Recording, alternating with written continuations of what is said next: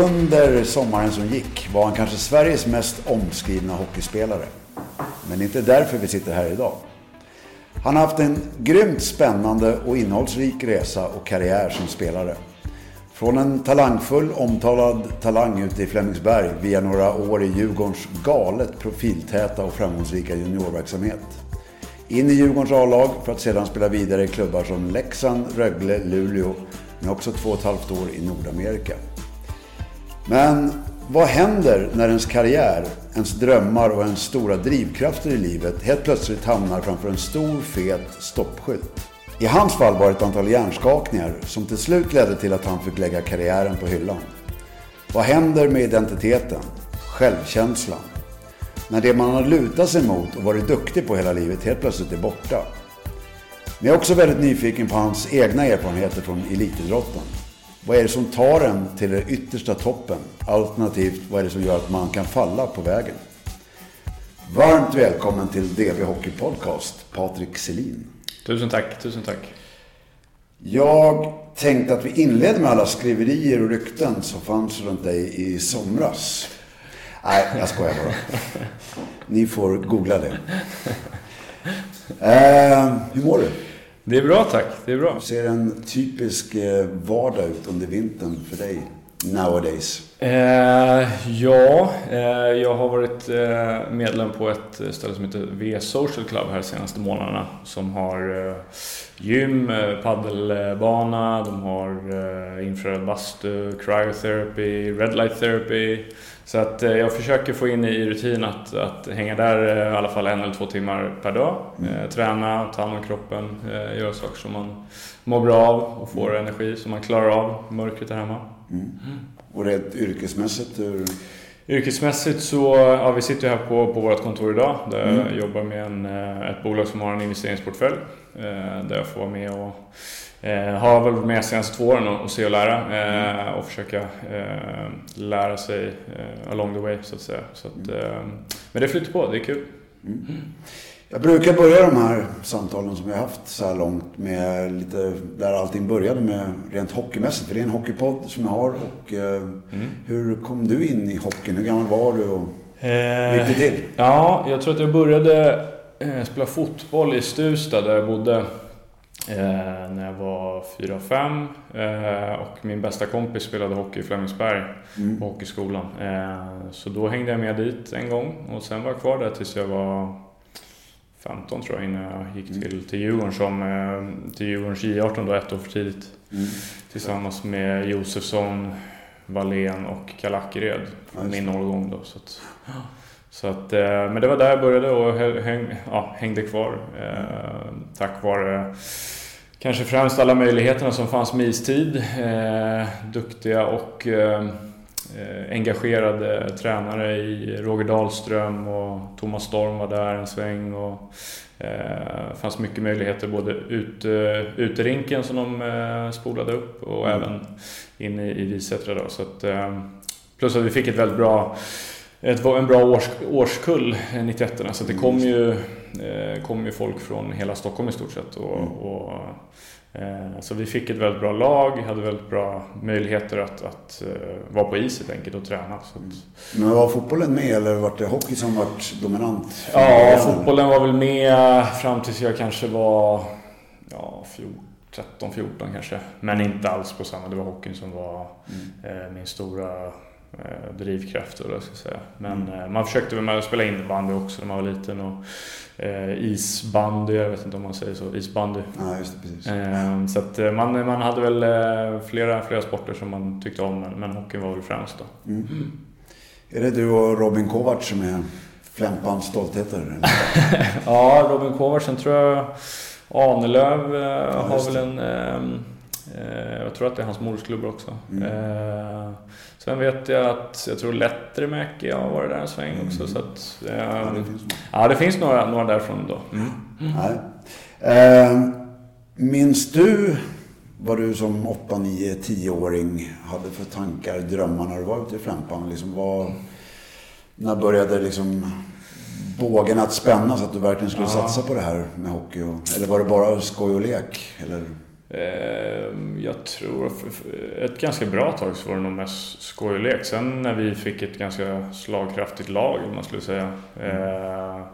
och det blev lite mer när man kom upp, ja, vad kan det vara, men 13, 14, 15 då, innan jag gick till Djurgården så var det ändå, ja, men var man med på de här större kupperna med de stora lagen. Ehm, Eh, vad heter de, Folke Filbyter i Linköping eller om det var någon annan cup i Skandinavien där man fick möta... Göteborg. Ja, men precis. När man fick möta de, de större klubbarna och vi var med där som en liten förening men ändå stod oss som några av dem om, i toppen. Liksom. Mm. Så att, eh, men någonstans kanske när, eh, när jag gick till Djurgården var det väl mer som att... Eh, mm. för min stora dröm, det var inte eh, NHL skulle jag säga. Utan min stora dröm var att spela i Djurgården och mm. i Tre Kronor. Mm. Eh, sen blev det ju självklart att man ville så, så långt som möjligt och, och drömde om NHL när man blev äldre. Men när jag var mindre så var det, eh, då var det Djurgården och, och Tre Kronor som var liksom stora eh, drömmarna eller målen. Eh, dels för att jag var djurgårdare och var Eh, var mycket på Hovet och Globen. Eh, och sen Tre Kronor kommer jag ihåg, ja, men OS-guldet 06, alltså titta och du vet sådana. Mm. Då födde det liksom eh, de känslorna. Så det var egentligen mina stora, Djurgården och, eh, och Tre Kronor som, som mm. liksom var den största drömmen så när jag var liten. Sen självklart kom jag NHL också efter det men, mm. men jag skulle säga Djurgården och, och Tre Kronor var det största. Mm.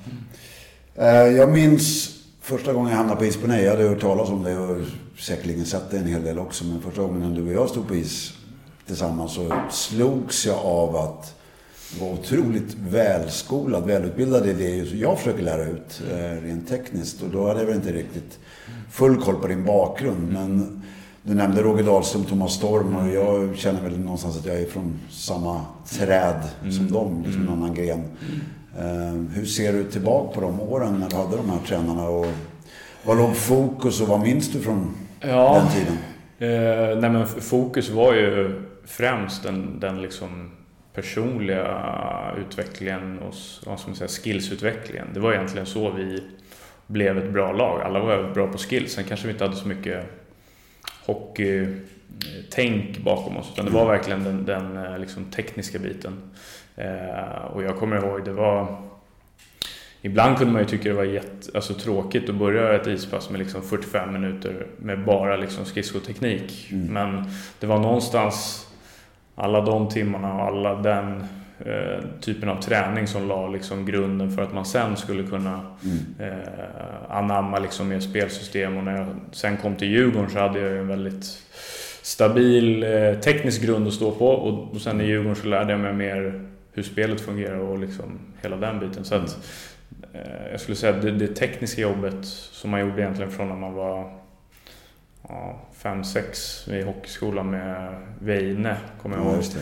Ja, det la ju liksom grunden för att man sen skulle kunna ha en, en, en stabil eh, foundation att stå på. Liksom, mm. och känna att man klarade av eh, alla olika tekniska bitar. Mm.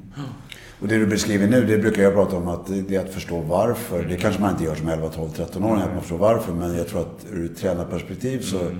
fanns det garanterat en plan från Roger och Thomas och övriga ledare där att lägga den här grunden. För den tror jag många kanske dels inte har tillräckligt stor respekt och kunskap i, mm. men också att man har lite för bråttom till att liksom få det här spelmässiga, vinna matcher. Ja. Och, och, jag tror att många gånger snarare man, man får inte med sig de här viktiga verktygen Nej. från ungdomsåren. Mm. Just för att det är sånt fokus på att vinna kupper och matcher. Ja.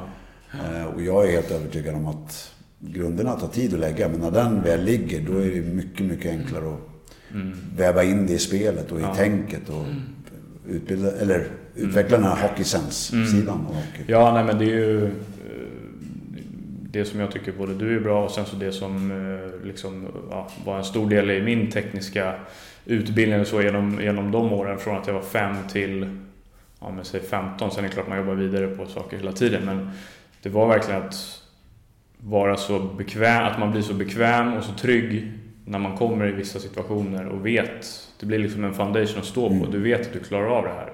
Du har gjort det miljontals gånger. Mm. Och det blir liksom, det sätter sig i ditt DNA på ett sätt. Mm. Um, så att, så att ja, från att jag var fem till tills att jag gick till Djurgården när jag var 15 så var det liksom det var egentligen bara fokus på de tekniska bitarna och det var teknikkulor utanför. Det var så, liksom, allting var eh, verkligen fokus på den tekniska biten. Mm. Så att, eh, och jag tror att den tekniken som du representerar och är väldigt, väldigt bra på. Eh, det är ju så hockeyn mm. allt mer och mer utvecklas mm. nu. Jag, mm. tittar jag på unga spelare som kommer upp idag. De är mm. otroligt skickliga och väldigt dynamiska. Det går mm. snabbt men de kan ändå göra aktioner i väldigt hög fart. Mm. Och, har man en Conor Bedard eller en Cale McCarr som role models. Liksom, mm. det, jag tror att det är framtidens teknik. Ja. Det finns ingenting som talar för att hockeyn kommer att gå långsammare eller Nej. bli trubbigare, utan ja. tvärtom. Ja, Nej, men det, det håller jag med om. Och, och det går fort och då att kunna klara av att de här bitarna liksom sitter i ens... Ja, mm. Det blir en som ens eget flow state när man bara är där och, och allting sitter. Det är ju för att man har gjort det Exakt. x antal timmar genom... Och väldigt mycket av självförtroendet ligger där. Ja. Alltså har du verktyg som du kan lita på, då mm. vågar du agera också. Ja. ja. Nej, jag håller med. Mm. Du nämnde 15-16 år var det när du bytte till Djurgården. Var det eget initiativ eller var det Djurgården som uppvaktade? Eller eh, nej men jag hade väl, först och främst så var det väl ganska unikt kanske att jag var kvar i en och samma ungdomsklubb ända sedan jag var hockeyskolan tills mm. ja, men tidig junior. Eh, och kände väl att när Djurgården gjorde, ja, men hörde sig för och ville ha mig som en del i deras satsning på juniorerna och komma in ett år tidigare till Djurgårdens J18 eh, så kände jag väl att det var eh, rätt för mig. Dels för att jag är född och uppvuxen i Djurgården och det var dit jag ville eh, när det vankades gymnasium. Eh, nu fick jag göra det ett år tidigare eh, och kände väl att, liksom så att just att det var en rätt steg för mig att ta och komma in i mm. liksom mer eh, utbilda mig ännu bättre på, mm. på, på, alla, alla delar av, av spelet och hockeyn. Och, och, som sagt, jag var uppvuxen djurgårdare, fortfarande djurgårdare, så det var stort för mig att få... När KG Stoppel hörde av sig och ville, ville att man skulle komma dit. Mm. Uh, jag, inför vårt samtal så, så att jag kollade igenom lite. Jag hade ju ganska bra koll på det. Vi har ju, följde ju ert lag och dig utifrån. Men det är ju sjukt imponerande namn som dyker upp i de här olika lagen du spelade i under junioråldern framförallt. Mm. Marcus Kryger, Danne Brodin, Jakob Josefsson, Landeskog, Sebad var med där, Erik Gustafsson. Mm. Eh, det är ju spelare som har verkligen fått sin grund där men som har hamnat på väldigt, väldigt hög nivå längre mm. fram. Hur var, hur var miljön? Går det att sätta ord på liksom, eh, hur var det att komma ner på träning och liksom Ja, nej men det blev ju framförallt blev det ett snäpp till med kanske just eh, sommarträningen och fysbiten. Eh, det var inte bara stå och dribbla träkula som man kanske hade gjort tidigare utan det var en väldigt eh, ja, man fick kliva in i nästa steg. Eh, och sen som du säger så var det väldigt många och väldigt många drivna och eh, ambitionsnivån var väldigt hög. Eh, vilket gjorde att alla pushade varandra på ett sätt. Mm. så det var ju ja, man tog verkligen försökte ta rygg på varandra och, och liksom pushade på eh, varandra utifrån det. Så, att, mm. så det var en väldigt hög tävlingsnivå oavsett vart, om det var J18, J20 eller eh, även när man kom upp i A-laget självklart. Så. Mm. Eh, men det var väl främst det, det var en stor eh, liksom, tävlingsambition och mm. Eh, hela den biten. Och det att beskriva hur tävlingsklimatet ser ut. Jag tänkte det är väl någonting man bär med sig i det mesta, oavsett om det är fysträning eller ja. eller matcher eller... Alltså det. Vad, vad är det som skapar det? Är det personligheter eller vad, är det jag... hierarkier som skapar det? Eller? Eh, det är en bra fråga. Jag tror att, eller det är väl ett väldigt aktuellt ämne också i, när man hör hur, hur snacket går idag om, om, om tävling och att man inte ska få medaljer för en viss ålder och liksom hela den, det ska inte finnas några poängligor och sådana saker. Men jag vet inte, jag tycker alltså, tappar man tävlingsinstinkten i, i det mesta så jag tror att det är en jättestor ingrediens för att man mm. ska kunna ta sig framåt, mm. uppenbarligen. Så tror jag att, eh, och det är en tror, större del än vad man, vad man kanske tror, hur man formas och hur man blir som person eller eh, så tror jag att det är en jättestor del. Eh, men i vårat, i juniorerna så... så... Jag, jag skulle vilja bara flika in mm. där. Jag, jag har nog aldrig stött på en aktiv mm. spelare eller en före detta aktiv spelare som säger emot det. Mm, Alla säger att det här är en otroligt viktig mm. drivkraft ja. och det har varit det under hela uppväxten. Ja. Mm. Jag brukar säga det när man kastar ut ett gäng barn i skogen så kommer de börja tävla vem som springer först till, till stenen eller klättrar först upp för trädet. Mm. Eller, det där finns i oss. Mm. Eh, sen om det sker på vuxnas premisser bara och inte barnen liksom utgå från från sina förutsättningar, då kan det bli tokigt. Ja. Men jag tror att hittar vi en nivå där det liksom tävlas utifrån barnens perspektiv, då är det en jätteviktig drivkraft. Ja. Tvärtom, jag tror att dödar man den, då dödar man mycket av nerven som är livsviktig för Ja. idrotten. Ja, nej, det håller jag med fullständigt och det, det behövs verkligen. En, en, det ska kunna finnas men att det måste finnas, som du säger, på, eh, på rätt premisser kanske. Eller från rätt, utifrån rätt ambitioner. Att det kommer från kidsen själva som, som tävlar än att det ska vara föräldrar eller annat som Exakt. kanske är med och påverkar på, med andra viljor och ambitioner. Liksom. Nu var ni ju inte barn när du var i Djurgårdens juniorer där, utan det var ju juniorer och ni hade Ja. hittat er egen identitet och sånt där kan jag tänka mig. Jo men precis.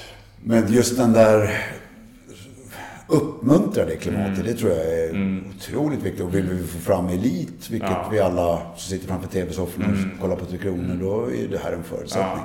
Ja, ja nej, och sen så när man, när vi i juniorerna så som, det blir ofta så att de som kanske är främst i sin årskull just då, framförallt i Djurgården kanske, men samlas i Djurgården och det var folk från Stocksund och det var liksom alla olika typer av klubbar och sen så när steget var att ja, men då var det, man var redo för att ta nästa kliv eh, så vill man ju, i alla fall jag och många andra, liksom, Djurgården är ju eh, en stor klubb och någonting som, som eh, som jag hade växt upp med, så jag ville ju verkligen dit. Men det var ju ofta så att de som var bäst i sin årskull eller liksom hade höga ambitionsnivåer kom dit Mm. och blev plockade dit. Mm. Och alla var ju, de flesta var ju liksom eh, ungdomslandslagen och det var, Mm. ja, jag tror att hela den drivkraften också, Mm. sätter man likasinnade i, i, Exakt. under samma, och ger dem möjligheter så liksom, jag tror att det där drivs på Mm. av sig det blir en själv. jäkla dynamik, Mm. helt klart. Eh, när vi spelar in det här eh, avsnittet så eh, börjar vi närma oss junior-VM. Där fick du också möjligheten att spela. Mm. Och, eh, Samma där, otroligt eh, starka namn i laguppställningen. Det var just Gabby Landeskog, Mm. Rickard Rakell, Klingberg, Järnkrok och många fler. Mm. Eh, vem vann poängligan i svenska laget? Eh, det tror nog att jag kanske gjorde. Ja, Mm. ni var, eller ni var två Ja. som hade exakt samma, fyra plus två. Vem Ja. var den andra? Eh, kan ha varit Jesper Fast Ja, kanske. stämmer. Ja, jag tror att han var bra. Vad minns du från junior-VM? Var, var det ett, en viktig punkt? i Liksom, var det en form av vägskäl att vara med där? Eller in i elitidrotten? Ja, eh, jag tror att just för min årskull så det blev ju någonting, jag kommer ihåg, jag tror att det var 88, 89 som hade JVM i Leksand tror jag det var. Mm, det. Eh, och jag tror att det var någonstans där, för mig i alla fall, som den här liksom JVM är nästan som en tradition eller jul, Mm. liksom, det är nästan en högtid känns som nu. Eh, men någonstans, jag kommer ihåg, det var liksom där det föddes för mig att jag tror att det var straffläggningen där, det var sju eller åtta straffar, det var liksom TJ Oshie, det var Taves, det var Kane och Eh, någonting hände där liksom. Mm. Eh, och sen efterföljande 89 90 svenska trupperna hade ju liksom, var formstarka och det blev en, ja. Mm. Eh, så att för mig som liksom var inne i den, ja, men jag hade spelat J18 VM. Jag var nära på att vara med i JVM året innan med 90 eh, Men då, då var det, det var ju någonting som man verkligen ville och, och ja, verkligen hoppades på att komma med på. Eh, och sen blir det också en, vi var så många som nästan höll ihop från U16 hela vägen till eh, till J18 liksom, så att det var som att, eller vad säger jag, J20. Eh, så det blir, liksom, det blir ju någonstans sista stoppet på resan Mm. tillsammans med alla de som man hade tampats med sedan man var liksom 16. Eh, Mm. Så det var jättestort. Eh, nu var vi i Buffalo, men det var nästan som att det var Kanada för att det Mm. var ja, så nära gränsen och det var mycket Eh, och jag kommer ihåg, jag hade en diskussion med det här om någon för inte så länge sedan. Ända sedan nästan var med på de här russinlägren så var liksom ambitionen för landslaget då var att man ska slå Kanada i Kanada den sista matchen. För Mm. det hade man aldrig Mm. gjort tidigare. Eh, och jag kommer ihåg, vi slog Kanada fast i gruppseriematchen på nyårsafton eh, på straffar. Och det var nästan som att vi hade redan vunnit då. Lite så var det tyvärr. Det var lite, ja, men tyvärr, tyvärr så... Ehm, jag skulle inte säga att vi, eh, vi slog av efter det, men jag kommer, när man tittar tillbaka så var det så att det, man pratade all, mer nästan om att slå Kanada i Kanada Mm. än att vinna JVM-guld. Mm. Ehm, Men det var ju en helt fantastisk eh, turnering. Eh, gick väldigt bra för mig personligen. Eh, och det var liksom så slutet på, som jag sa, var den här ungdomsresan med, med alla de som man har kört med egentligen sen russin eller uttagningslägren när man var 15-16. Eh, så det var ju det var en fantastiskt eh, fint minne att titta tillbaka på trots att vi eh, inte tog någon medalj. Men, mm. men ja, någonting som man tar med sig och aldrig kommer glömma riktigt. Mm. Ja, det är grymt. Mm. Det ska bli kul att se vad de kan göra det känns som ja. det är bra gäng. Det är mycket gamla djurgårdare ja. tongivande spelare där. Så det ja, jag tror att tror att vi får se Sverige eller USA som vinnare. Mm. Spännande. Mm. Eh, innan junior-VM där så har du blivit draftad av Nashville i mm. femte rundan. Mm. Eh, och efter att ha spelat, är det tre år du spelade med Djurgården i mm. elitserien? Precis. Så åkte du över. Vad mm. var tankarna? Vad var målen? Vad såg du framför dig? När du åkte över till Nashville? Eh, ja, först om, om man drar tillbaka till draften så blev jag ju faktiskt, första året som jag var tillgänglig så blev jag förbi eh, sedd i draften. Ja, eh, så jag kommer ihåg, jag vet jag hade lite snack med några klubbar men... Eh var det en besvikelse? Eller? Det var en besvikelse då. Mm. Eh, jag kommer ihåg exakt vart jag satt och vad jag gjorde när jag fick samtal från min agent och sa att tyvärr det blev ingenting. Ehm, så det, var, det var lite tufft då, mm. när man ändå var med där i, i toppen av, av sin årskull eh, men inte blev draftad. Ehm, men sen så året efter då som sagt så blev jag draftad. Eh, så, att, ehm, så det var inte så... Det var en liten tuff mm. Eh, nit, eller vad man ska säga. Mm. Inte nit, men, men, eh, men det är klart man hade hoppats och det var liksom mm. upphåsat och man var med i, i landslaget med alla de här. Vi hade vår årskull, vad hade vi?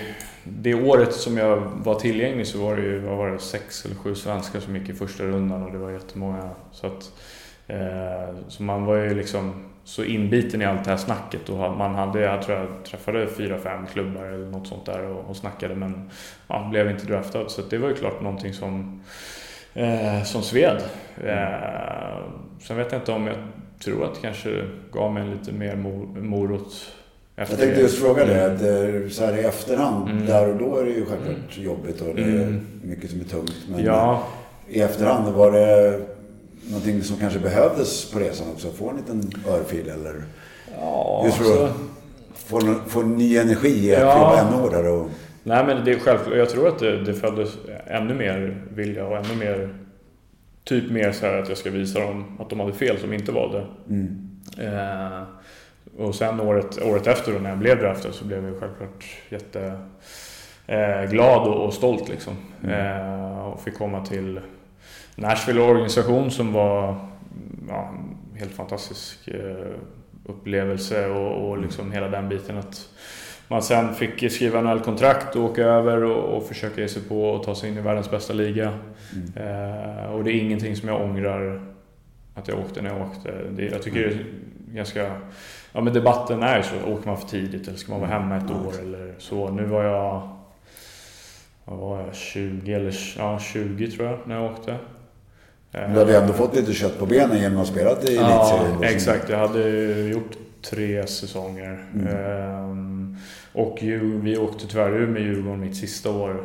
Ehm, så då blev det oavsett att jag var utan... Mm. Ja, vi hade behövt flytta eller göra någonting. Men jag var väldigt... Eh, jag ville åka över. Jag ville ge det en chans. Eh, och utvecklas där borta. Mm. Eh, och det är jag jätteglad över att jag gjorde. Eh, tyvärr så Eh, blev det en lite problematik med en hjärnskakning som var borta en bit och sen fick jag operera höften.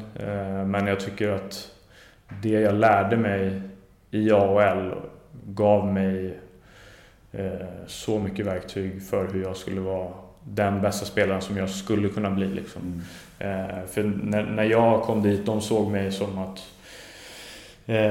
Jag kommer ihåg man hade så exit meetings och sånt Eh, och då var det mer så här, om inte du gör 25-35 mål här nästa år, eh, liksom, då kommer du aldrig komma upp i, NHL. Så det är det vi förväntar oss av dig. Mm. Och jag skulle vara en topp 6-spelare för att jag hade de mm. eh, skillsen och det var där jag var som bäst. När jag, om jag liksom, eller hade den potentialen. Mm. Eh, och då fick jag verkligen lära mig det här med målskytte och vara ett hot hela tiden och eh, vinna insidan från, från sarghörn och vilka områden man ska vara i om man vill göra, alltså vad görs flest mål? Ja men det är framför mål och mm. hela den mm. biten liksom. Jag fick lära mig så mycket sånt som jag tyvärr inte tyckte att jag fick ut när jag var där. Mm. Men sen när jag kom hem fick jag ut det. Mm. Eh, så att jag är jätteglad att jag åkte dit och var i AHL för att jag fick lära mig. Jag, jag, brukar, eller jag har sagt tidigare att jag åkte dit som en pojke och kom hem som en, en man. Liksom. Och det är även eh, dels den sociala biten, att flytta till ett annat land och bo själv och i USA och det är en annan mentalitet och det är liksom Jag kommer ihåg den här, ja men det föddes någon, någon vad säger man på svenska? Ja men någon tuffhet i mig. Mm. För att eh, Eh, det förväntades så mycket mer. Jag kommer ihåg det var någon... Jag hade börjat säsongen, jag tror det var första, första året, första tio matcherna. Jag tror jag hade snittade mer än en pinne per match och liksom fick spela jättemycket och gick jättebra. Eh, under lockouten, då var det ganska... Ja, AHL var väldigt full, full av bra, bra spelare som senare är liksom storstjärnor i, i NHL. Men då kommer jag ihåg att jag, jag började jättebra, sen fick jag jag drog magmuskeln. Och kunde liksom typ inte dra upp armen eller lyfta, jag kunde inte skjuta, jag kunde inte göra någonting. Eh, och så var jag så här, nej men det, det går liksom inte. Eh, men de men kom ner på värmningen och så testade vi. Eh, och så spelade jag första perioden och då var jag så här, det går, jag kan inte skjuta, jag kan inte göra någonting. Eh, så jag gick av den matchen då, halvvägs typ. Eh, så blev jag inkallad dagen efter till, till tränarnas omklädningsrum och liksom fick en avhyvling för att jag inte gjorde allt som jag kunde för att jag skulle kunna spela. Mm. Så det var så här, du frågade inte om något piller, du frågade inte om vi kunde tejpa. Alltså du vet, jag fick mm. så här, du ska göra det som krävs för att du ska kunna spela och prestera. Och det födde någonting i mig. Mm. Vilket senare kanske också gjorde att jag inte var lika eh, egoistisk när det kom till mina hjärnskakningar. Att jag inte riktigt tänkte på mig Exakt. själv. Mm. Eh, men det, som sagt, jag fick någonting eh, det hände någonting med, med min personliga grit. Liksom, att mm ja, men man, man, det är en tuff sport och man måste se till att man ska inte vara dum men man ska göra det som krävs för att, för att jag ska kunna vara med och, och, och spela och vinna matcher. Och, eh, så det var någonting som jag tog med mig också. Tyvärr sen då så kanske det blev lite av en akilleshäl när jag liksom inte kanske lyssnade tillräckligt på, på mig själv när jag hade ont i skallen. Och så. Nej, men det är ju, vi pratade ju om tävlingsmiljön mm. i Djurgården där och jag kan ju tänka mig att i den där miljön så är det på en helt annan nivå. Ja.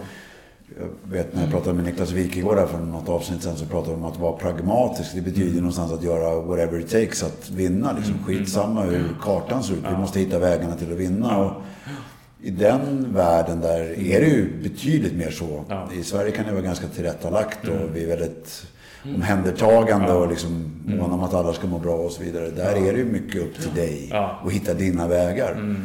Och där tror jag många unga svenska och europeer kanske mm. stöter på patrull mm. när de mm. kommer till den miljön. Ja. För att det finns en helt annan förväntansbild. Mm. mm. Ja, nej, det håller jag med om. Och, och som sagt, både ur, ur det liksom mitt spel, hur jag skulle kunna vara... Hur ska jag se till så att jag blir den bästa jag kan bli och där jag hjälper laget mm. på bästa sätt. För att de förväntar sig, det är den här rollen jag har. Och det är det här som förväntas av mig. Så jag lärde mig både liksom, hur kan jag bli det här hotet? Hur kan jag bli eh, ja, det, det, som de mm. förväntade sig att jag skulle vara Exakt. en topp 6 producerande spelare och göra mm. mål. Mm. Eh, och en sån, eh, en sån förväntan kan ju vara skön, så man vet vad man mm. har någonting att utgå ifrån. Mm. Istället för att man famlar och inte riktigt vet mm. vad man ska göra. Där var det ganska tydligt, du ska göra mål, du ska exakt. vara topp 6. Ja. Och då måste du hitta dina vägar för att bli en sån. Exakt, liksom. exakt. den tydligheten tror jag många gånger kan vara skön, även om det är hårt. Ja. Nej, men det, och, och jag även om när man pratar om hockey och, så, och ledarskap och sånt tidigare så har jag alltid sagt Även om den, den tränare jag hade i AL var den som var mest eh, sträng, eller man säger, mest mm. hård så, så var han också den som var mest tydlig och den som jag trivdes mm. ja, en av de som jag trivdes mest med och lärde mig mest av. Mm. För det var klart och tydligt, det här förväntas vi av dig.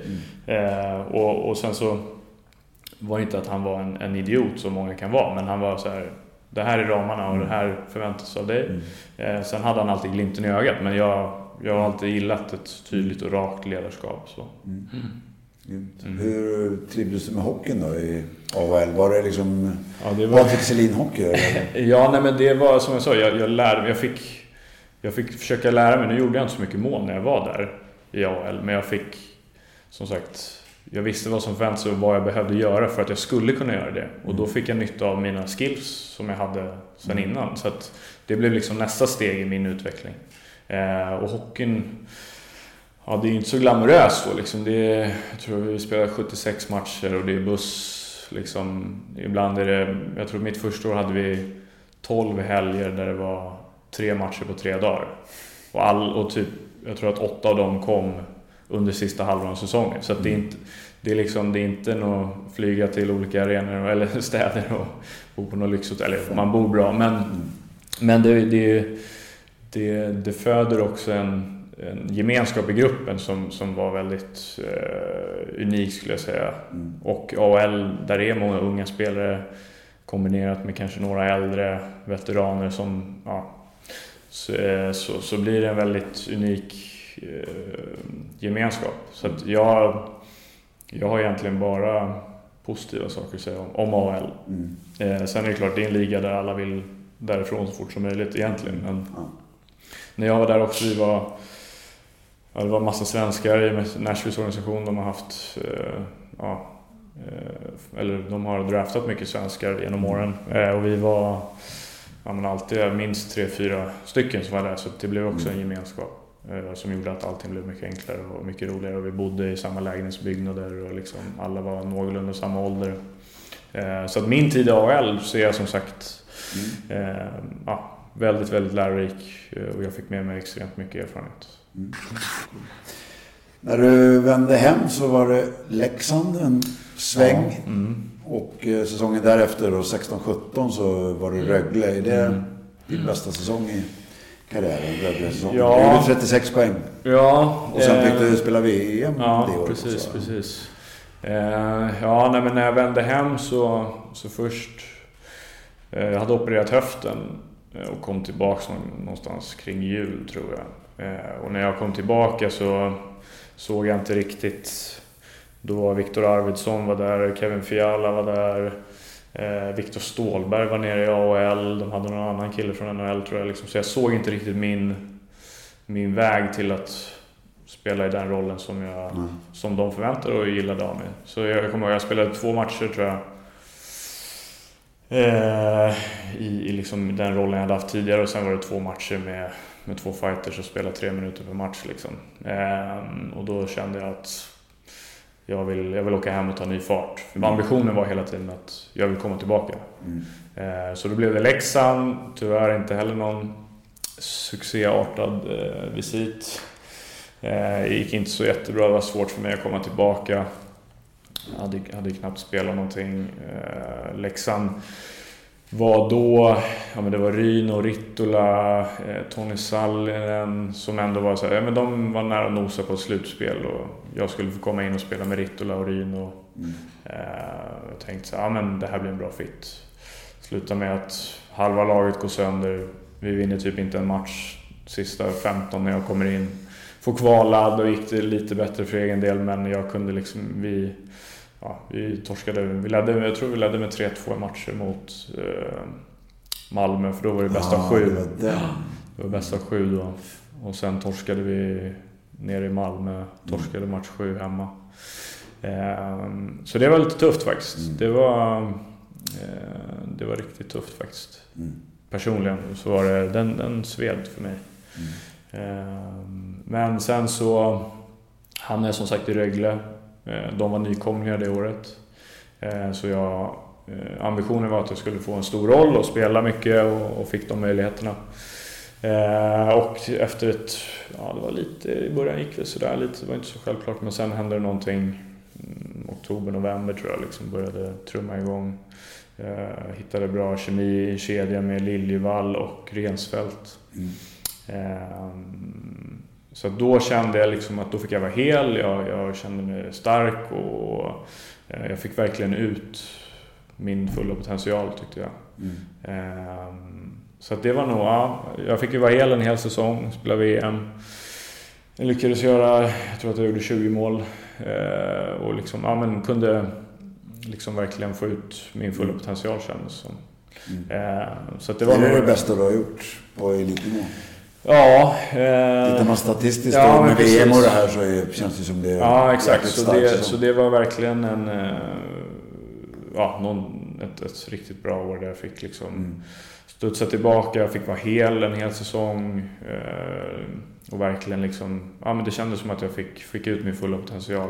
Mm. Och mycket av det som jag pratade om tidigare, liksom vad jag lärde mig kunde jag liksom implementera i mitt spel här mm. hemma. Eh, lite större ytor men jag hittade liksom mm. sätt att göra mål och, och så. Så, att, eh, så det var ju verkligen en eh, lyckad säsong för mig. Mm. För det var ju den säsongen och även säsongen efter då med, med Luleå som jag verkligen kände att jag fick bra koll på det, mm. liksom hur det var som spelare. Och mm. Det var ju den vevan också, jag kommer ihåg att du och Robin var nere och körde mm. med mig en gång på mm. Stockan. Där, ja, men precis. Och då kände jag det, att just de här... Din tekniska trygghet och din enorma skicklighet. Mm. Den vart jag verkligen mm. imponerad av. Liksom. Kände, det där sitter in i ryggmärgen på ja. Jag upplevde också att du spelade en sån hockey under ja. de här två säsongerna. För Luleå vart ju tvärtom året efter då. Så. Ja, men precis. Eller andra året i Rögle så, eh, så hade jag ju, började jättebra igen. Eh, och sen så tror jag precis innan eh, jag var uttagen så låg jag på, eh, vad heter det? Med landslaget på första landslagsbreaket tror jag det var. eller om det var andra. Men då åkte jag på två, två hjärnskakningar som tyvärr gjorde att säsongen där blev mm. över. och sen hamnade jag i Luleå året efter det. Ja, så var det. Mm, precis. Mm. Yes. så att, men där fick jag också, om vi ska hoppa till Luleå, så fick jag också ut väldigt mycket av, eh, fick i en miljö där jag fick, liksom, fick jättestort förtroende från Bulan och, och eh, fick också liksom potential, eller, eller ja, jag fick ut min fulla potential. Mm. Eh, och sen tyvärr också då skadebekymmer efter det. Mm. Var det hjärnskakning? Ja, precis. Så att det var, jag, jag kommer ihåg jag Första året i Luleå gick jättebra. Jag var ju OS det året. Mm. Började säsongen jättebra. Eh, var med i första landslagssamlingen och eh, hoppades att jag skulle komma till OS. Eh, gick sönder efter första landslagsbreaket. Och sen kom jag tillbaks någon gång precis innan OS tror jag, eller om det var vid jul någon gång. Men kom inte med till OS, men jag gjorde, ja, spelade resten av den säsongen i alla fall. Mm. Men missade, jag tror jag spelade 35-36 matcher det året och sen var vi i ja, tre, fyra matcher i slutspelet. Det var ju så mellan, mm. mellanplacering tror jag med Brynäs när vi åkte ut. Ehm, och sen året efter det så skadade jag mig på försäsongen och det blev min sista mm. match. Men samma sak där, det var hjärnskakningen som, mm. eh, som ställde till det och någonstans så, för att återkoppla lite till det jag pratade om tidigare med det här med att man skulle lyssna på sig själv och inte vara så Eh, eller vara mer egoistisk. Eh, allt med skador och all, alla spelar igenom alla typer av möjliga skador. Och det är sprutor och det är tejpa och det är så det, är så det går till. Mm. och det föder någonstans den här gritten lite så, mm. som vi och pratade om också, att man ska göra det som krävs för att vinna. Mm. men tyvärr så lyssnade jag inte riktigt på min kropp när det kom till skallen. Och det, jag blev så pass känslig till slut som jag tror är en, en del i att jag inte lyssnade mm. på mig själv i början utan jag kanske spelade en match till och fick en till smäll och då blir återhämtningsfasen blir eh, så pass mycket längre och det är typ det sämsta man kan göra. Får en smäll oavsett så ska man eh, Känner man någonting där det inte känns rätt, det kan vara ganska svårt ibland också. Och det är alla, som du säger, alla är mm, födda i den, den miljön av att man ska göra det som krävs för att spela. Mm. Eh, så det är, därför, det är därför till exempel i NHL, de har folk som tittar. Är det någon som får en smäll, då säger de till att han ska in i omklädningsrummet och kollas. Mm. Eh, där han får träffa läkaren och sen har de möjligheten att säga att du spelar inte. Mm. För alla spelare kommer säga att det är lugnt, jag spelar. Mm. Om det inte är liksom att du är helt kanske blacked out eller liksom någonting sånt. Men, eh, så att jag lyssnade tyvärr inte riktigt på på mig själv och då blev jag så känslig till slut. Det känns ju som att det har blivit mycket, mycket mer uppmärksammat och mm. kunskapen har blivit mm. mycket högre de senaste mm. åren. Så ja. jag tror att nu var du kanske där ändå nosade, hade ändå mm. lite bättre ja. runt omkring dig. Men tittar du tillbaka 20 år så det, ja. då existerade det ju knappt det här. Det var liksom bara bit ihop och ja. ta en Alvedon. Ja, nej, men det var verkligen så. Och det, jag hade Eldebrink i Luleå, eller vad säger jag, i Rögle. Han var en jävla rolig prick. Han trivdes ju också väldigt bra med. Men han, han, han berättade då någon gång att han liksom, ja, ramlade ner för trappen i källaren, slog i huvudet, låg utdäckad i 25 minuter. Men jag spelade på kvällen ändå. Liksom. Det, var, det var den mm. bilden av det fanns då. Och när jag var då var det mer så här, ja, men var man inte tillbaka inom två veckor då var det så här, vad är det som händer? Det är bara en hjärnskakning. Men nu vet man ju att det kan vara längre perioder och man vet att det finns en stor problematik kring det. Och att ja, man vet inte exakt vad man ska göra. Mm. Men att det finns en större liksom, vaksamhet. Det är inte det här ja, du spelar om två veckor. Utan det kan vara, utan att det är något konstigt, att man är borta en månad eller vad som helst. Så att det är en större acceptans och det är en större kunskap kring det nu. Mm. Ehm, så att eh, det går, det går framåt.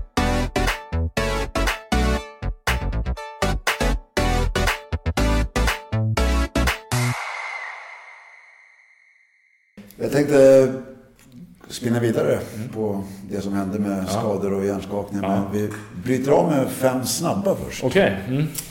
Äh, Ängelholm eller Luleå? Eh, Luleå. Den bästa tränaren du har haft? Eh, ja, Dean Evanson. Det var han som var AHL. Mm. Mm. Den bästa spelaren du har spelat mot? Eh, Panarin. Mm. Eh, favoritplats i Stockholm? Eh, ja, nu får jag nog säga mitt, mitt, mitt nya gym som är mitt, min andra, mm. min, mitt andra vardagsrum. V Social Club. Mm. Mm, nice. Eh, fredagspassen med Vladimir Vladde Egorov är mytomspunna. Eh, men vad föredrar du egentligen? Är det släden eller är det bänkpress? Just nu är det bänkpress. Eller den har alltid varit bänkpress. Men, men eh, nej men... Eh, man saknar ändå fredagspassen på mm. Aspudden. Mm. Det får jag ändå säga. Så att jag väljer det. Mm. Ja, det var väldigt mm. speciellt gäng där ute. Mm. Som, verkligen det här tävla och trigga varandra. Ja, ja otroligt faktiskt. Coolt. Ja, men tillbaka till eh, där vi var inne. Mm. Ehm, du har ju spelat hockey sedan du var en liten pojke. Mm. Eh, och var spelare på elitnivå under 11 år om man räknar med J20-åren. Mm. Eh, nu har det gått, är det fem år sedan du spelade ja. senaste matchen? Ja, det går undan tror jag. Mm. Eh, hur har den här tiden varit? Liksom? Hur var det att mm. lämna hockeyn? Eh, mycket, mycket tuffare än vad jag någonsin hade förväntat mig. Mm. Eh, för mig var det... Eh, det blir någonting som, som tas ifrån en Eh, sen kanske det blir också extra tufft i och med att jag inte fick göra det på mina premisser eller villkor eh, och för att jag kände att jag hade så mycket mer att ge och liksom... Eh, ja. ja, men det var nog dels den biten att jag kände att jag hade så mycket mer i tanken liksom. Och, eh, men sen också att, att eh, jag identifierar mig med så mycket med, med det jag gjorde och sen när det tas ifrån en så blir det jag känner mig typ som ett enda stort frågetecken i säkert, ja kan det ha varit, stundtals fortfarande. Men, mm. men, eh, men, eh, men en lång period så var det liksom så här, det, man, jag har aldrig behövt tänka tidigare på det sättet. Mm. Oavsett vad det nu, det var så här, hockey, ja, jag spelade hockey. Eh, det var så jag eh, fick mat på bordet. Det var så jag eh, kände den här glöden i mig. Att så här, ja, men det var liksom... Jag hade aldrig behövt tänka över vad jag ville göra. Alltså, det är klart att man någon gång tänker på vad man vill göra efter, men jag hade inte tänkt på att okej, okay, nu tog det slut mm. eh, halvvägs. Eh, hur, vad gör jag nu? Och vad gillar jag? Och vad vill jag göra? Och, liksom, det blev så många, många olika frågetecken som, som, eh, som ställde till det. Det var, det var tufft liksom. Mm. Eh, och det kan vara tufft ibland, än idag, att man känner men någonstans med, med mycket hjälp skulle jag säga. Att jag eh, pratat med folk, alltså psykologer, haft liksom fått hjälp att bena ut saker och ting istället för att bara ha saker i en egen skalle som liksom ett... Vad är, vad är det du kommer fram till då? För jag tycker det här med identiteten är ja. jätteintressant på många sätt och vis. Jag har sagt det tidigare poddar, mm. vi har pratat här att dagens unga, dagens människor generellt, det behöver inte bara vara unga. Mm. Det är ju en ganska stimmig värld. Liksom. Mm. Det är väldigt mycket som händer runt omkring. Ja. Och att bli trygg i en identitet är ju mm. otroligt värdefullt. Ja. Och om du då har en hockeyspelaridentitet mm. och lutar emot. Du känner att här är jag duktig, här är jag accepterad, ja. här är jag någon i gruppen, i mm. sammanhanget. Mm. Och så försvinner det. Uh, så det, det, kan ju absolut vara en tunn is. Jag mm. tycker i grund och botten att det är väldigt bra mm. att vi kan erbjuda det inom idrotten, mm. inom hockeyn. För det är många som inte har någonting ja. att luta sig mot i samhället. Ja. Eh, man har inte den här identiteten. Nej. Men det är också självklart bräckligt när man hamnar där du hamnar. Där du har varit skitbra på någonting. Och så helt plötsligt så, nej, nu är det ja. stopp här. Liksom. Ja. Nej, jag, så jag... vad är, de här samtalen med ja. supporten, vad, vad kom du fram till? Liksom? Vad är det man landar i? Vad är det som får dig att känna dig ja, bättre? Nej, men, eh, det är jätteintressant faktiskt. Men jag hade faktiskt senast den här diskussionen i, eh, i lördags när jag var på en, en middag med, med lite vänner. Eh, och då, prat, då hamnade vi om att för då berättade jag lite om, det här var en person som jag har träffat några gånger men inte riktigt så här, lärt känna riktigt mm. på djupet. Och, så vi hamnade i en diskussion och pratade om min karriär och att jag fick sluta. Och då då sa hon så här, men Tänk vad, vad lyckligt Lotta du kan ändå vara som hit, har hittat någonting som fick dig att känna så. För då pratar vi så här, men jag tror inte jag kommer hitta något som får mig att känna lika liksom, eufori eller liksom att det, den här lågan inom mig. Eh, och då sa hon, men tänk att du faktiskt hittade det. För att det är inte så många som, de kan gå ett helt liv. Och inte så här hitta någonting som, som får en att känna på det sättet eller så. så att, jag tror att perspektiv och liksom acceptans för mig har varit den stora delen. Att jag, istället för att jag eh, har haft en ilska över att fan det hände mig eller jag mår inte bra eller när går det här över eller att jag eh, det här drogs ifrån mig så har jag liksom, ja men okej okay, jag fick göra det här under x antal år. Jag fick uppleva massa saker som jag drömde om när jag var liten. Eh, och liksom har accepterat mig och, och känner liksom en tacksamhet över det. Mm. Det skulle jag säga är det som liksom bara det skiftet skulle jag säga liksom med perspektiv och eh, den mentala biten har hjälpt så liksom att jag är mer glad över att jag fick... Alltså hade du frågat mig när jag var 10 om att ja, men det är det här du får men den här dagen så kommer det vara slut så hade jag på, på de här premisserna men då tror jag att jag hade sagt ja, men jag tar det alla dagar i veckan. Exakt.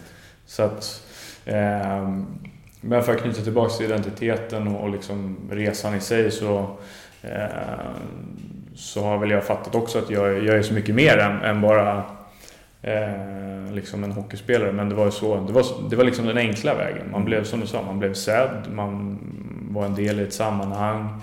Eh, det var det roligaste man visste. Eh, liksom man fick så mycket saker som bara landade naturligt av att jag gjorde det jag tyckte om.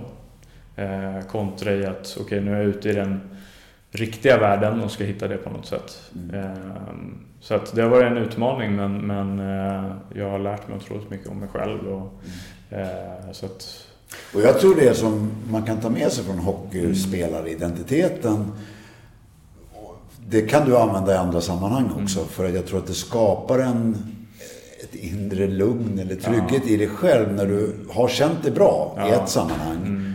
Eh, och du vet att det här är jag bra på, det här kan jag luta mig mot. Så tror jag man kan använda den känslan även in i andra sammanhang. För jag upplever, eller jag tror att en stark identitet byggs av att du utmanar dig själv. Mm. Att du klarar av svårigheter, du klarar av tuffa utmaningar. Mm. Mm. Och därifrån liksom får den här, jag klarar av svåra saker. Mm. Ehm, Finns det med dig när du ska gå vidare i livet? Att du liksom vill hitta utmanande situationer? Att du vill hitta nya dörrar att kliva in genom? Där du känner att ja. jag ska fasen ta mig igenom det här? Jo, nej men, eh, men det, det är ganska intressant för att nu eh, dels jobbar jag eh, en del men sen pluggar jag också eh, på Handels eh, tillsammans med nio andra atleter, gamla atleter. Eh, det finns ett program som, eh, som ja, Handels har anammat det från, det heter Cruyff Institut och sen har de gjort sin, mm. Eh, sin lilla nisch på det. Men där är det just de här bitarna som vi har pratat om. Att säga, men man ser sig själv ofta som, ja men jag spelat hockey. Och sen så förstår man inte riktigt att så här, okay, men jag, alla de erfarenheterna och de sakerna som har gjort att jag tog mig till en viss nivå. Det är saker som är så attraktiva inom liksom affärsvärlden eller liksom, vad man än bestämmer sig för vad man vill göra så har man, du får så mycket gratis av lagidrott. Eller att, mm. alltså, och sen när du, kom, du tar det till elitnivå så, så är det ju liksom, du kan hantera press, du vet vikten av detaljer, du, du kan eh, samarbeta i grupp, du är målorienterad. Alltså det, det, är så många olika saker som är så attraktiva. Så att för mig har det så, om man bara kan få det skiftet att säga, men jag kan de här sakerna. Det är bara att nu är det en ny match eller nu är det Det handlar mer om ett mindset ja. än om skills, ja, tycker jag. 100%. Skillsen är att du kan åka skridskor, dribbla puck och skjuta mm, bra. Mm. Men det handlar ju väldigt mycket om ett mindset också. Ja. Att vilja hamna i mm. utmanande situationer. Och har man väl det mm. och om man har modet att ge sig in i lite främmande mark liksom då tror jag, då är man väl rustad att klara ja. av svåra situationer och ja. stärka identiteten på en ny liksom, ja, front istället. Exakt, ja. Och då, då blir man ju nästan ännu starkare. Och, mm. när man, om det säger att man, man ger sig på någonting nytt och, och så klarar man av det eller lyckas inom det, då blir det helt plötsligt att shit, det här är inte bara att jag spelade hockey ett helt liv eller ungdoms Exakt. och liksom gjorde massa, utan det finns inom mig och jag klarar mm. av mm. andra utmaningar. Mm. Eh, så det är jätteintressant. Men man tänker aldrig så. Eh, eller jag tänkte aldrig så. Utan jag tänkte, ja, jag, jag spelar hockey. Exakt. Det är det jag, man är i bubblan där. Det är det jag gör. Alltså, ja. Sen tänker man inte så mycket mer om man bryter ner det. Men ja, om man kan byta perspektiv så, eh, så kan det vara väldigt hjälpsamt. Mm. Vad hände med dig rent emotionellt, känslomässigt när det stod inför faktumet att nu är det bara att packa mm. ihop trunken? Vad, vad händer? Ja, vad händer? Eh, men för mig så... Jag gick ju... Jag försökte lyfta på varenda sten för att jag liksom skulle eh, bli bättre och kunna komma tillbaka. Eh, och jag tog mig en ganska lång bit. Men jag ljög nog ganska mycket för mig själv också för att jag inte ville... Jag ville inte inse att det, det, var, det kunde vara över liksom. Mm. Så att jag kommer ihåg att mitt kontrakt gick ut med, med, eh, med Luleå. Eh, jag gjorde jättemycket rehabilitering, eh, blev mycket, mycket bättre. Jag, fick, jag skulle säga att jag fick tillbaks mitt liv på ett sätt men att det inte tog sig tillräckligt länge att jag kunde liksom, kroppen klarade inte av att spela. Men jag fick tillbaks större delar av... av... Behöver inte sitta i ett mörkt rum? Nej, men precis. Jag, jag, jag hade jättemycket problem med balans och ögon och hjärntrötthet och eh, huvudvärk och sådana bitar. Och mycket av det kan man ju rehabba bort. Så jag var på ett ställe, ja, jag gick nog... Det var nog under en ettårsperiod nere i Göteborg som heter European Brain Center. Eh, som är väldigt eh, duktiga, har ett jättestort testinstrument som var väldigt skönt för mig för då blir det som att du kommer in, du gör tester.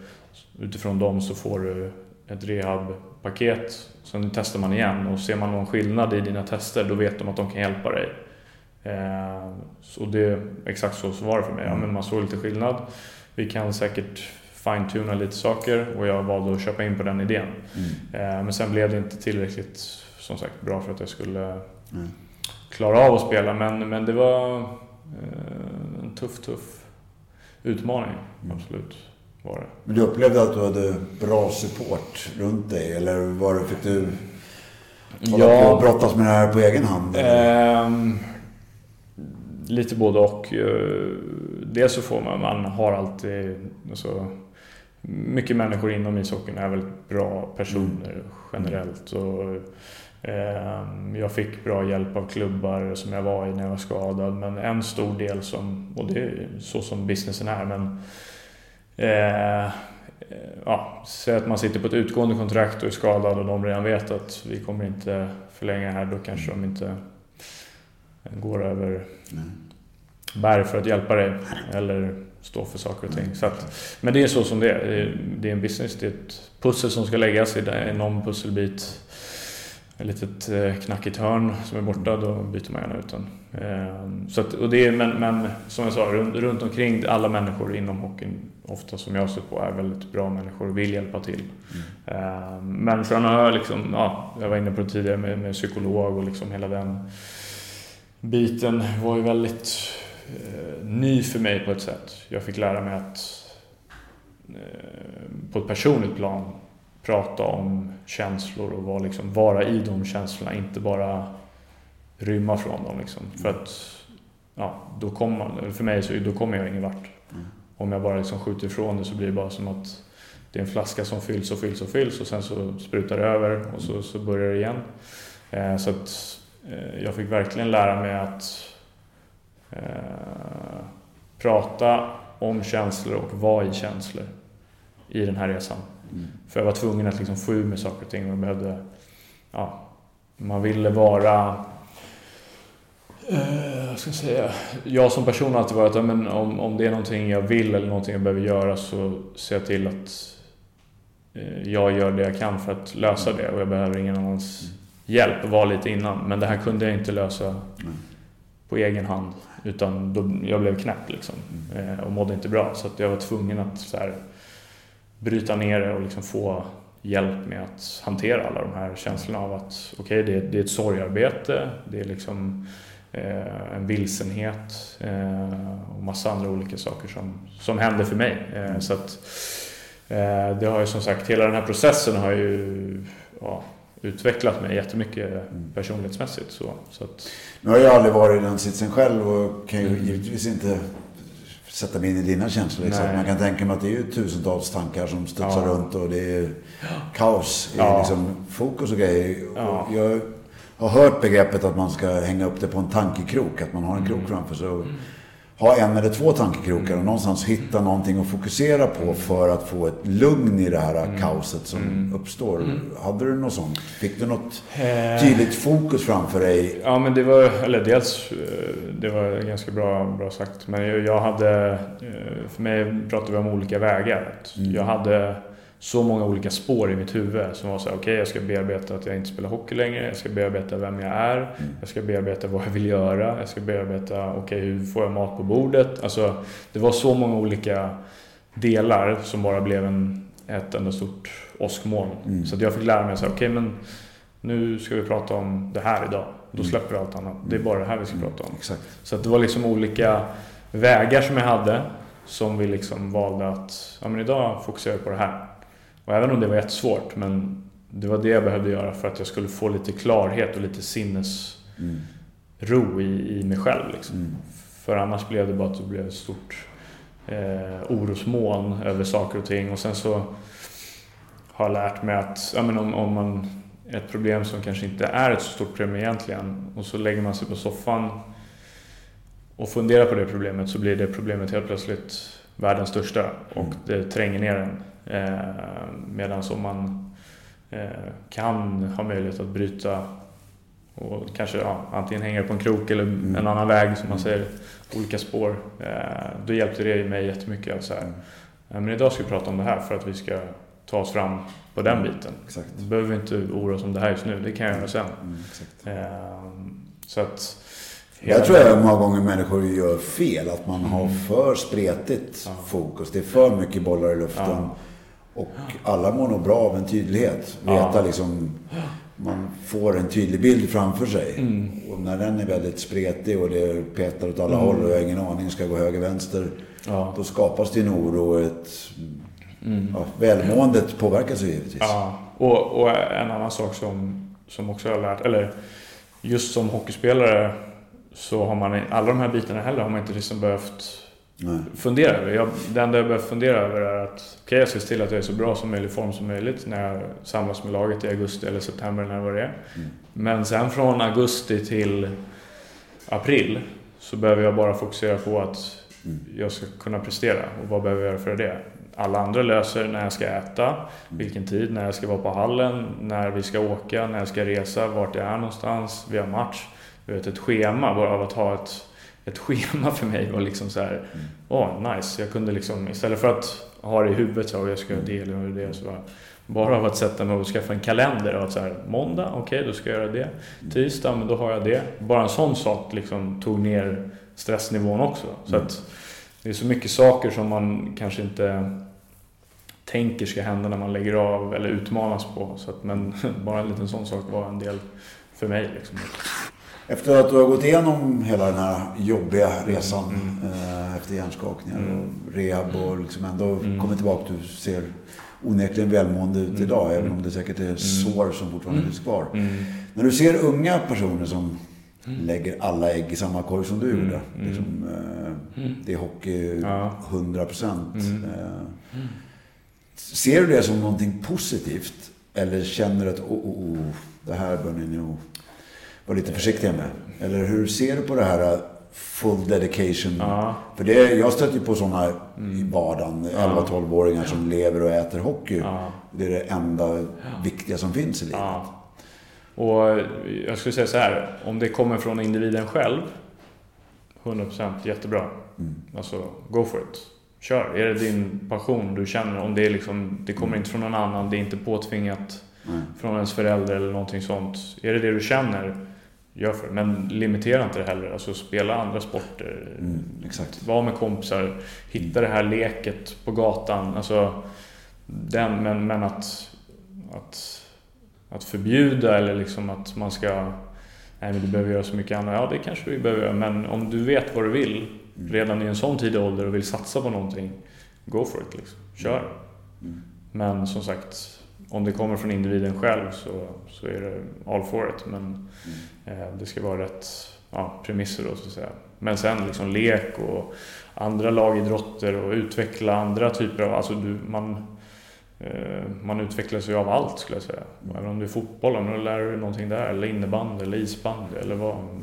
leka på gatan, vad som helst. Så den här leken men samtidigt inte förbjuda det här liksom mer ja, vad ska man säga, elitsatsningen. Men, mm. men vet man om man är liten och vill liksom satsa på någonting och ja, men det är det här jag vill, ja men kör liksom. Mm. Why not?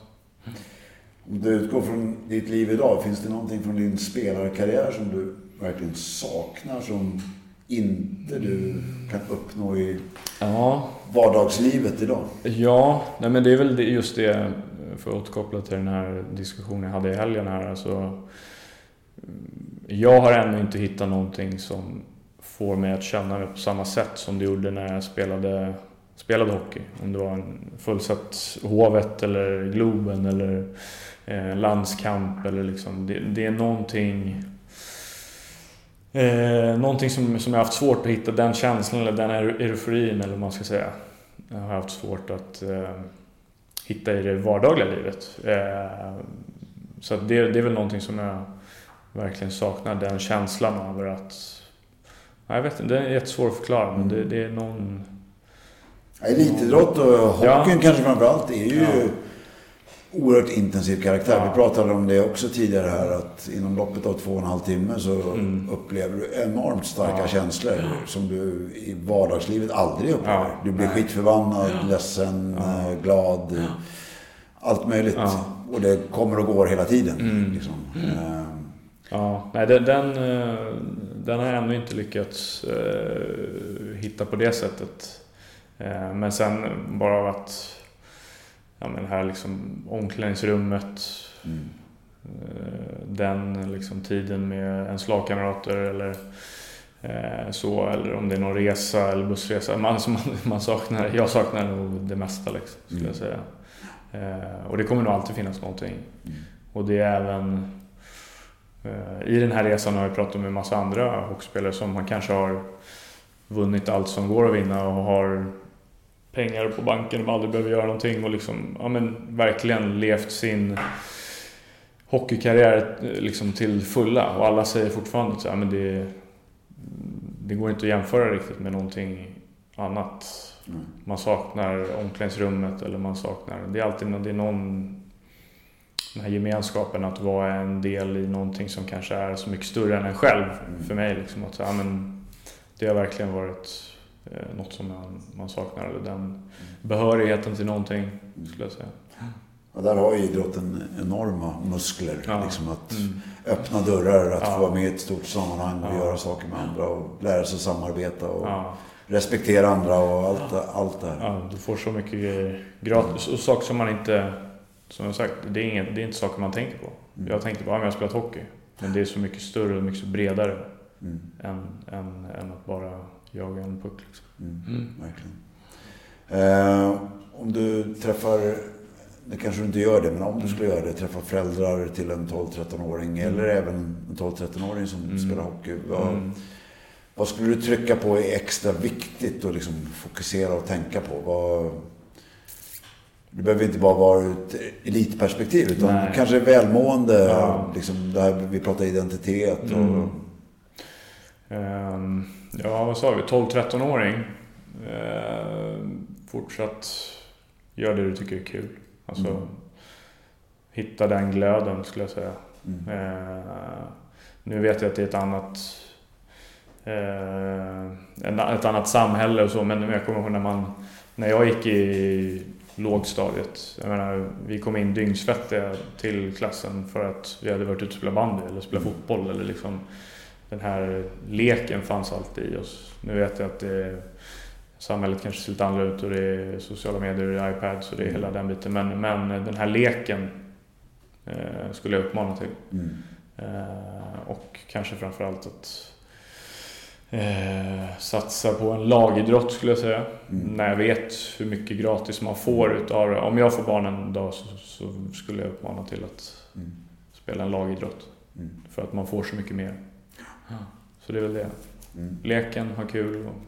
Det är ofta där vi landar när ja. vi pratar här. Det är mycket spontanidrott, mycket ja. lek, mycket almis, ja. mycket uteisar. Mm. Det är ofta där diskussionen mm. landar. Och där finns ju en enorm kraft. Där är liksom jag tror drömmar skapas där, mm. kreativitet skapas där. Mm. Eh, och samhörigheten ja. återigen. Ja. Nej, det, och just ur min egen resa, så när jag var i Flemingsberg, då hade de ju bandyisen var ju liksom spolad. Så man kunde ju gå, ibland kunde man träna med 91 man kunde träna med 90 och sen så emellan där så var man på bandyisen och det var egentligen bara smålagsspel eller mm. skjuta slagskott i ribban eller vad som helst. Men det var, den här leken fanns hela tiden. Mm. Eh, så det är väl någonting som jag hade uppmanat till. Mm. Vi var inne på Vladdes eh, mm. gäng där som ni har kört med i många, många år. Och det är samma där. Det är många av de namnen vi har nämnt tidigare var mm. med där och mm. körde. Mm. Och jag känner några av dem. Jag har varit med i något sammanhang och mm. dragit den här jäkla släden ute på, på plastgräset där. Uh, och jag, någonting som slår mig är ju just självdisciplinen hos de spelarna. Mm. Många av dem var ju proffs och mm. liksom, det var ingen som tvingade dit dem utan mm. man har det här drivet. Och mm. Jag upplevde att den gruppen gjorde kanske mer än vad många andra gör, även som är proffs. Mm. Eh, en gemensam nämnare som ni hade var just mm. Drivkraft och disciplin. Vad, vad är disciplin för dig? Om du ser tillbaka på dina år. Och även nu kanske. Oj, intressant. Jag såg faktiskt ett klipp om det här en kille som körde isbad.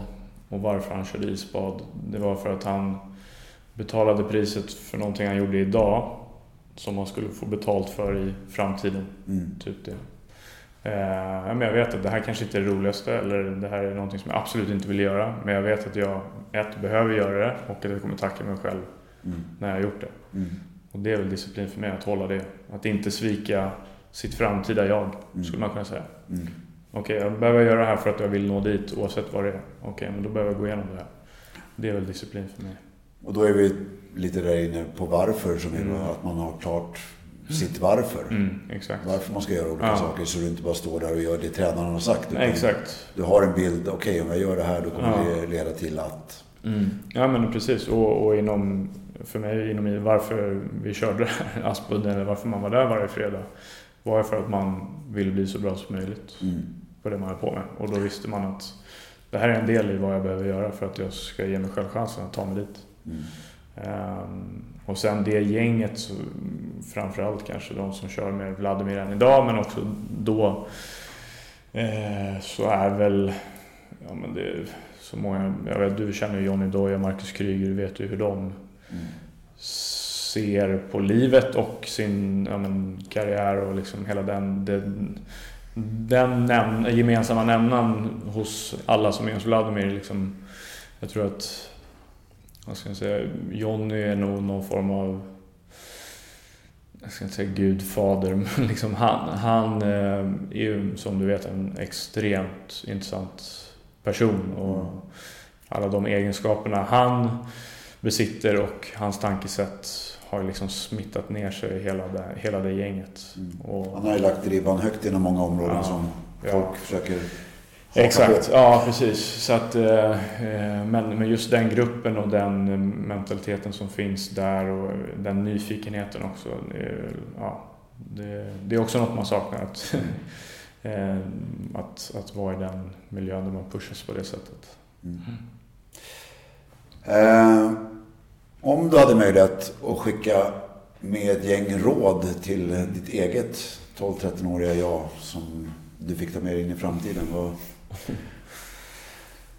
det behöver inte vara utifrån din eh, hjärnskakningshistoria utan Nej. finns det någonting som du känner att fasen om jag hade känt till det där så hade jag kunnat agera på ett bättre eller smartare sätt? Eller känner du att du har haft en, en bra resa? Ja, men jag, just nu kanske mitt, i och med att jag, eh, jag landar hela tiden i det här att jag eh,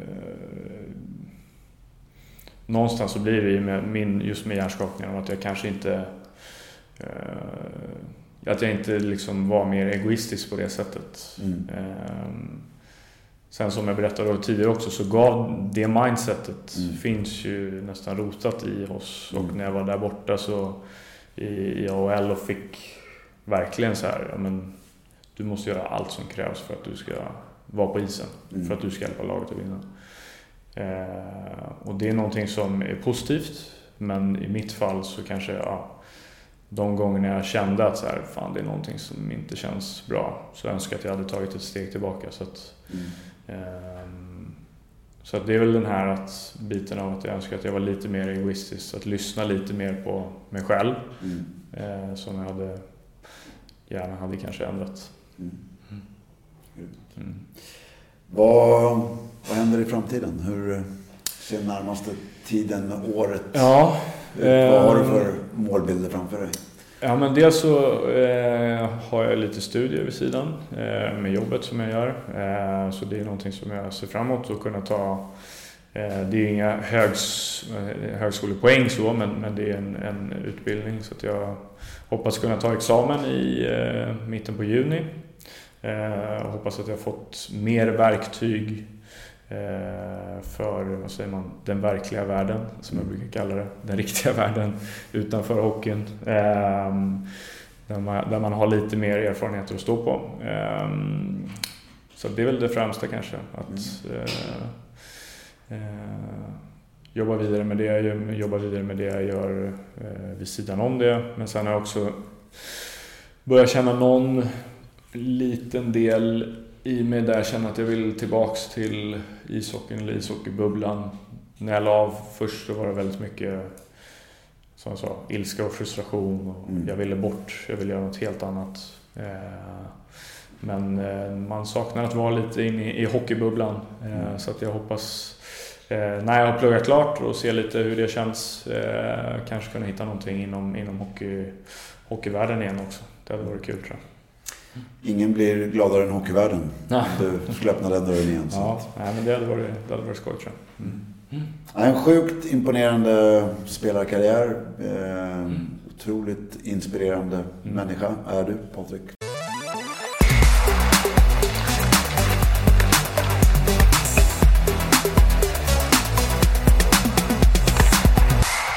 Detta avsnitt är producerat och klippt av Elin Broberg. Musiken är gjord av Dennis Karlsson.